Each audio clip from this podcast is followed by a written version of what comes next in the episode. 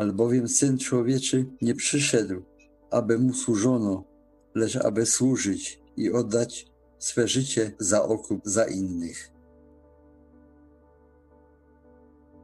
A Jezus rzekł, Ojcze, odpuść im, bo nie wiedzą, co czynią. A przy dzieleniu się Jego szatami rzucili losy. Lecz wyparł się samego siebie, przyjąwszy postać sługi i stał się podobny ludziom, a okazawszy się z postawy człowiekiem. Uniżył samego siebie i był posłuszny aż do śmierci, i to do śmierci krzyżowej. To jakże my ujdziemy cało, jeżeli zlekceważymy tak wielkie zbawienie.